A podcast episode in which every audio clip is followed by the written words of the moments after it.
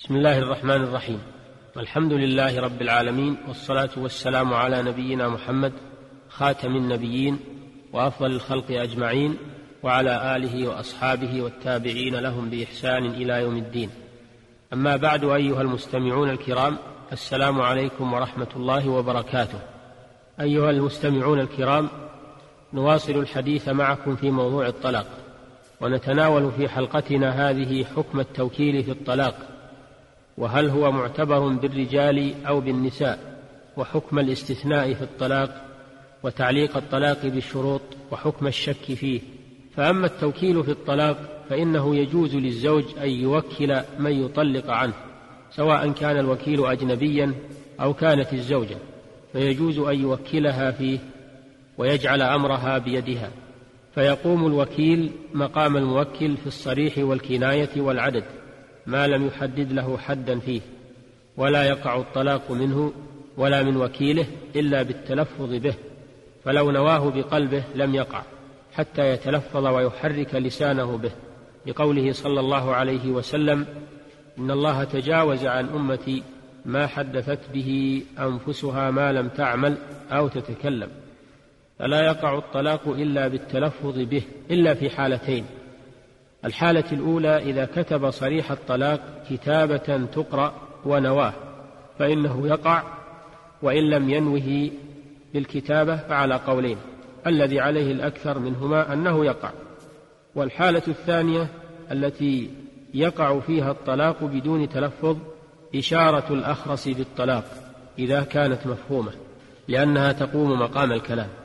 وأما عدد الطلاق فيعتبر بالرجال حرية ورقة لا بالنساء لأن الله خاطب به الرجال خاصة. كما قال تعالى يا أيها النبي إذا طلقتم النساء فطلقوهن لعدتهن. وقال تعالى وإذا طلقتم النساء فبلغن أجلهن. الآية. وقال النبي صلى الله عليه وسلم إنما الطلاق لمن أخذ بالساق. فيملك الحر ثلاث تطليقات وإن كان تحته أمة. ويملك العبد تطليقتين وإن كان تحته حرة.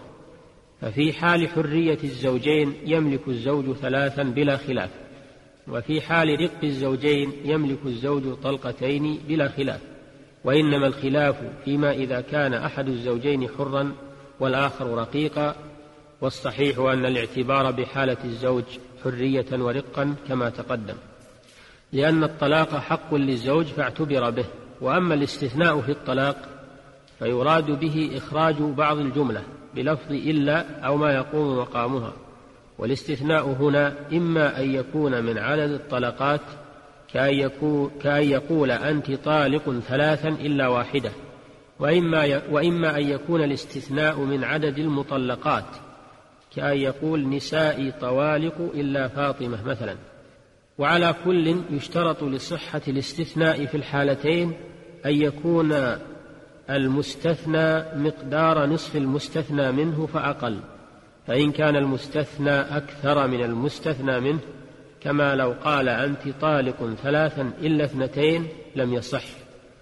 ويشترط أيضا التلفظ بالاستثناء إذا كان موضوعه الطلقات ولو قال أنت طالق ثلاثا ونوى بقلبه إلا واحدة وقعت الثلاث. لأن العدد نص فيما يتناوله فلا يرتفع بالنية لأنه أقوى منها. ويجوز الاستثناء بالنية من النساء فلو قال نسائي طوالق ونوى إلا فلانة صح الاستثناء. فلا تطلق من نوى استثناءها ولو لم يتلفظ. لأن لفظة نساء تصح للكل وتصح للبعض فله ما نوى. وأما تعليق الطلاق بالشروط فمعناه ترتيبه على شيء حاصل أو غير حاصل بإن أو إحدى أخواتها كأن يقول إن دخلت الدار فأنت طالق. فقد رتب وقوع الطلاق على حصول الشرط وهو دخول الدار وهذا هو التعليق. ولا يصح التعليق إلا من زوج فلو قال إن تزوجت فلانة فهي طالق ثم تزوجها لم يقع لأنه حين التعليق ليس زوجا لها. ولحديث عامر بن شعيب عن أبيه عن جده مرفوعا لا نذر لابن آدم فيما لا يملك ولا عتق فيما لا يملك ولا طلاق فيما لا يملك. رواه أحمد وأبو داود والترمذي وحسنه. والله تعالى يقول يا أيها الذين آمنوا إذا نكحتم المؤمنات ثم طلقتموهن. دلت الآية والحديث على أنه لا يقع الطلاق على الأجنبية. وهذا بالإجماع إذا كان منجزا وعلى قول الجمهور إذا كان معلقا على تزوجها ونحوه. فإذا علق الطلاق على شرط لم تطلق قبل وجوده. وأما الشك في الطلاق فالشك معناه التردد بين أمرين لا مرجح لأحدهما على الآخر.